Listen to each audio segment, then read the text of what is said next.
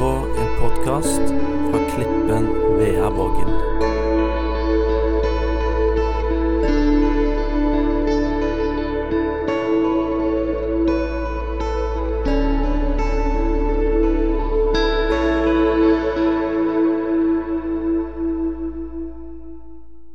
Det som er temaet mitt i dag, det er rett og slett eh, det er enke som vi leser om i Lukas 18.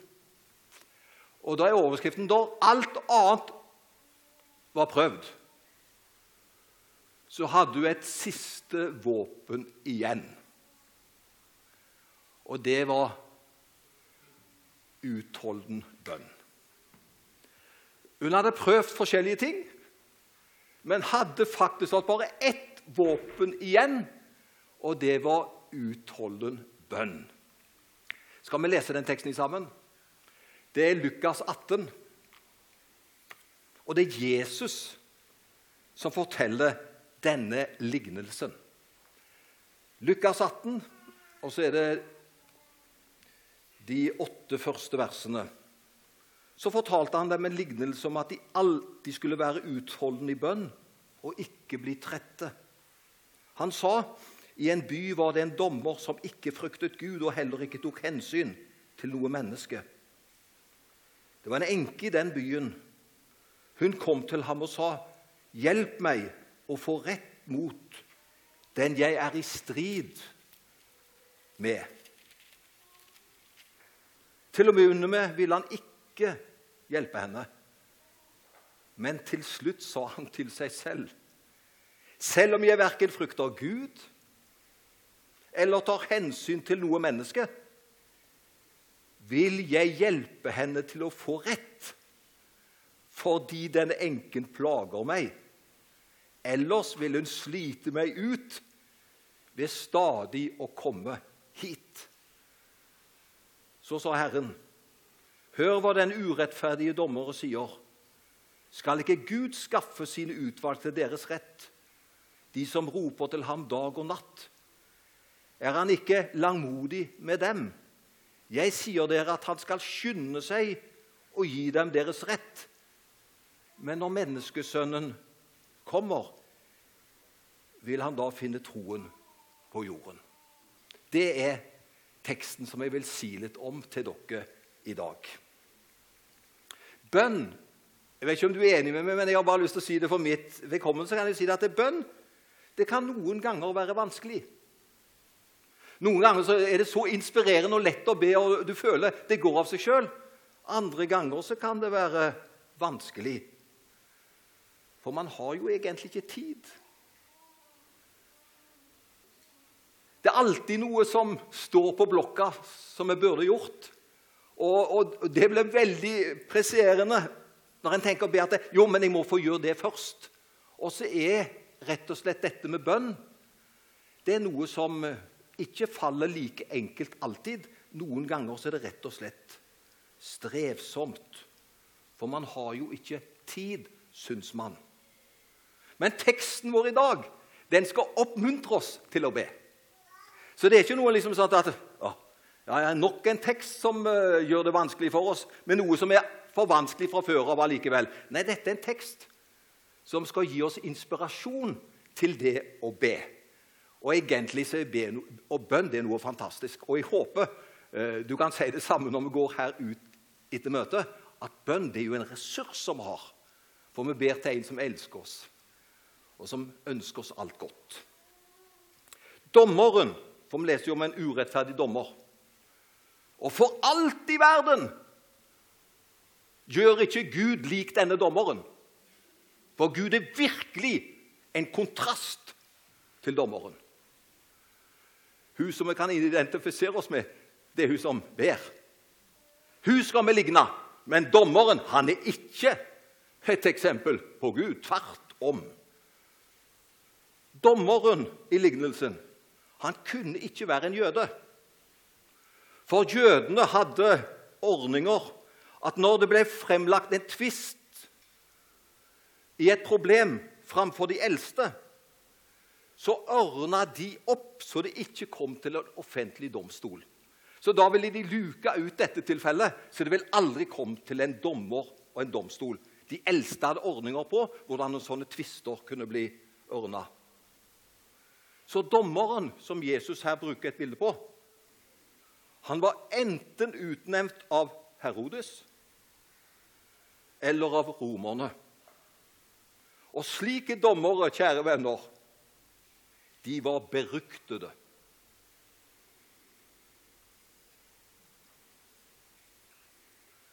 På folkemunne ble de kalt for røverdommere. Enken hadde altså dårlige odds for å vinne denne saken.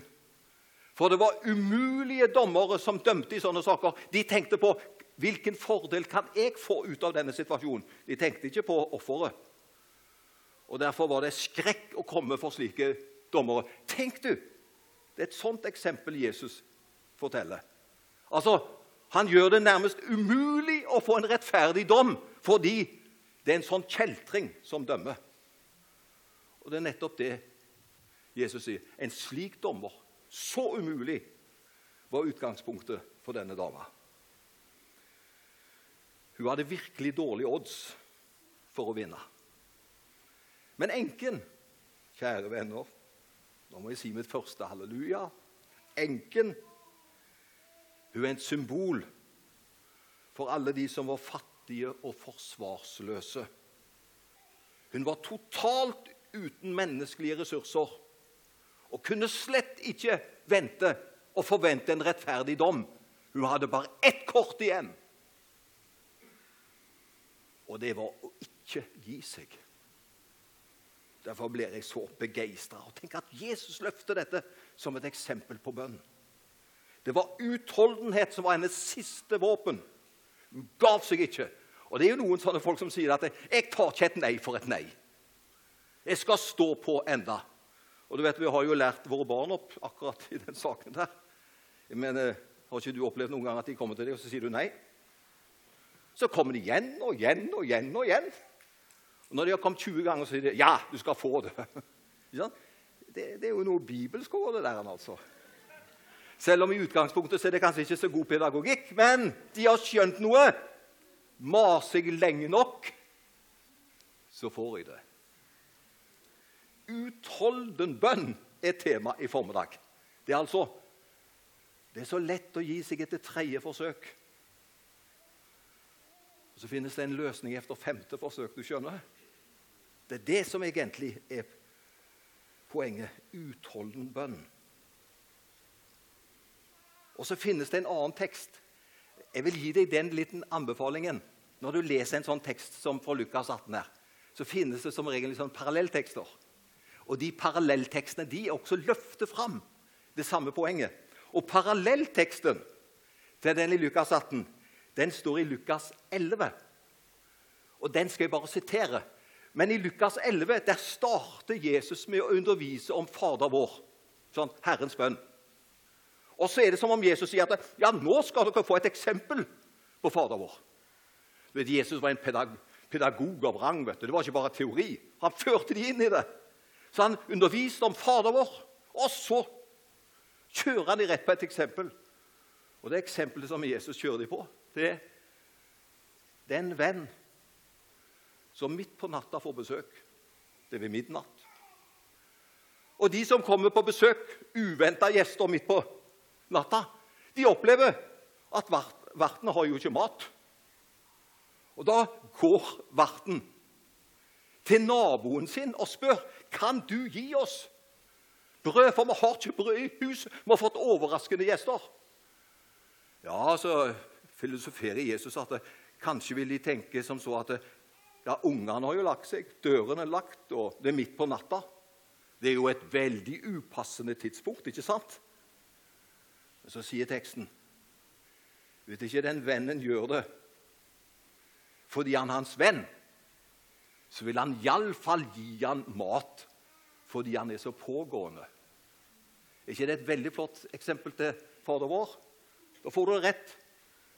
Det betyr jo det at vi skal ikke bare be en lekse, en regle som må lære oss. Vi kan ta ut Fader vår i hverdagen vår. Og Da kan vi komme med frimodighet med våre bønneemner. Selv om det er upassende, så er det alltid passende for Herren.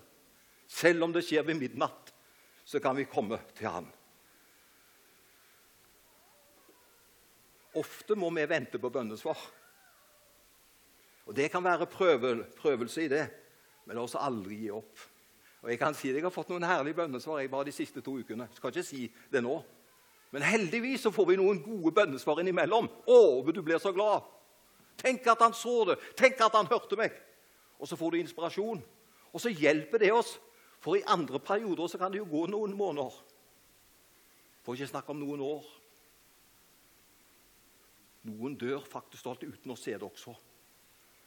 Men da vil de få se det i evigheten. Det er forskjellige sånne skalaer, men vi blir inspirert.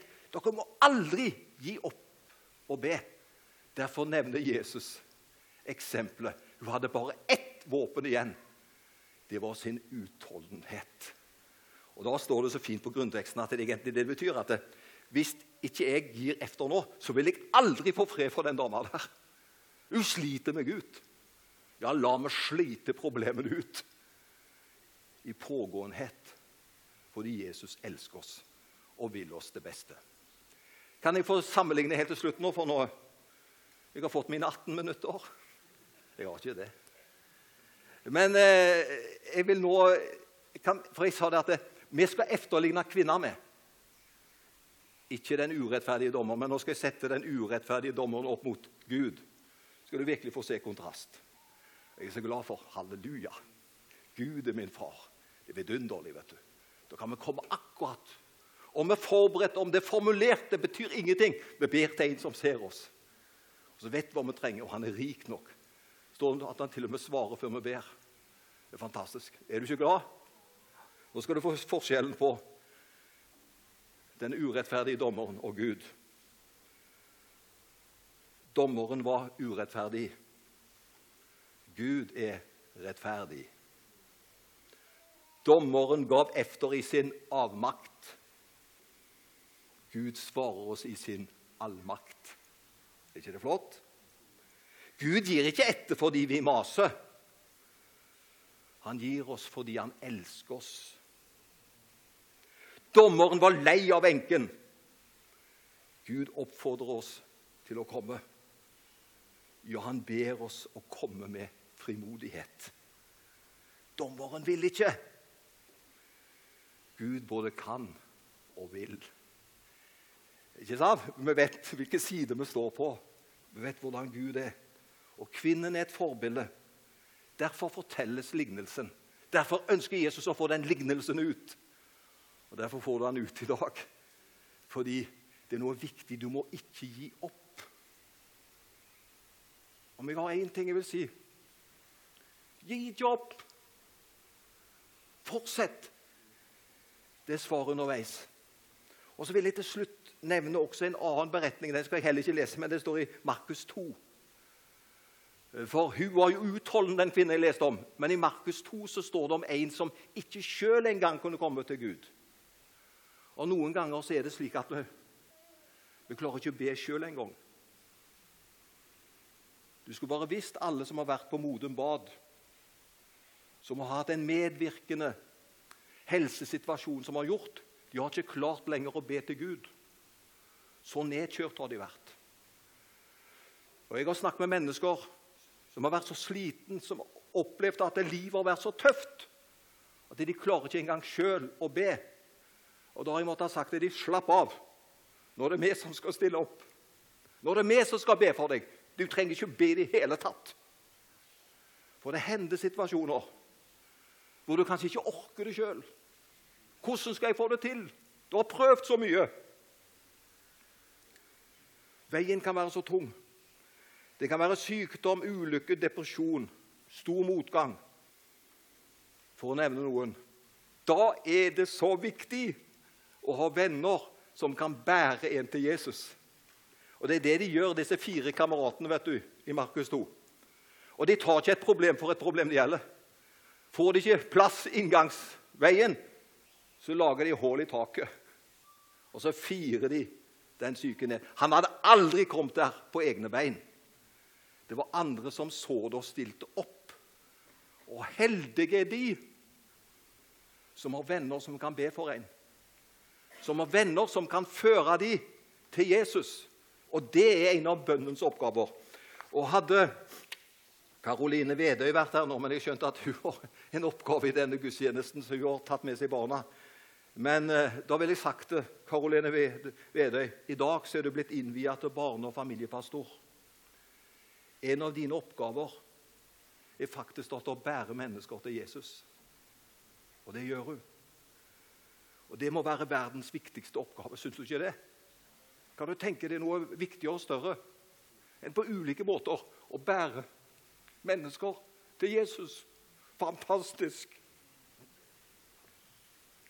Og en dag så vil mange mennesker takke Gud fordi du var i en slik situasjon som bar mennesker til Jesus. Og da vil de takke Gud for deg. Jeg trengte hjelp. Du var der. Og det er det som menigheten skal være. Og menighetens viktigste oppgave det er ikke å ha den rette læren. Det er ikke å ha det beste ryktet på bygda. Det er ikke menighetens viktigste oppgave. Det er faktisk å lede mennesker til Jesus. Å praktisere frimodig og utholden bønn, som teksten vår i dag taler om, det er vår hovedoppgave. Og må Gud hjelpe oss, så vi kan være slike og gjøre det. Herre, takk at du er midt iblant oss. Takk for ditt nærvær. Kanskje er det noen her som opplever at ja, nå Nå vil jeg nesten gi opp. Jeg har bedt så mange ganger, eller et eller annet. Takk at du sier at det, vi må ikke gi opp. Takk for denne kvinnen som virkelig hadde bare én ting igjen. Hun måtte bare stille opp med sitt behov. Og takk at vi kan få gjøre det. Og er vi ikke i stand til det sjøl, så er det noen her som er i stand til å gjøre det. Takk at det er noen som ber med og for hverandre. Og for, takk for din godhet. Og takk at Klippen og menigheten og ditt folk på VA i distriktet skal få oppleve gode tider framover. Fordi du elsker oss alle. I Jesu navn. Amen.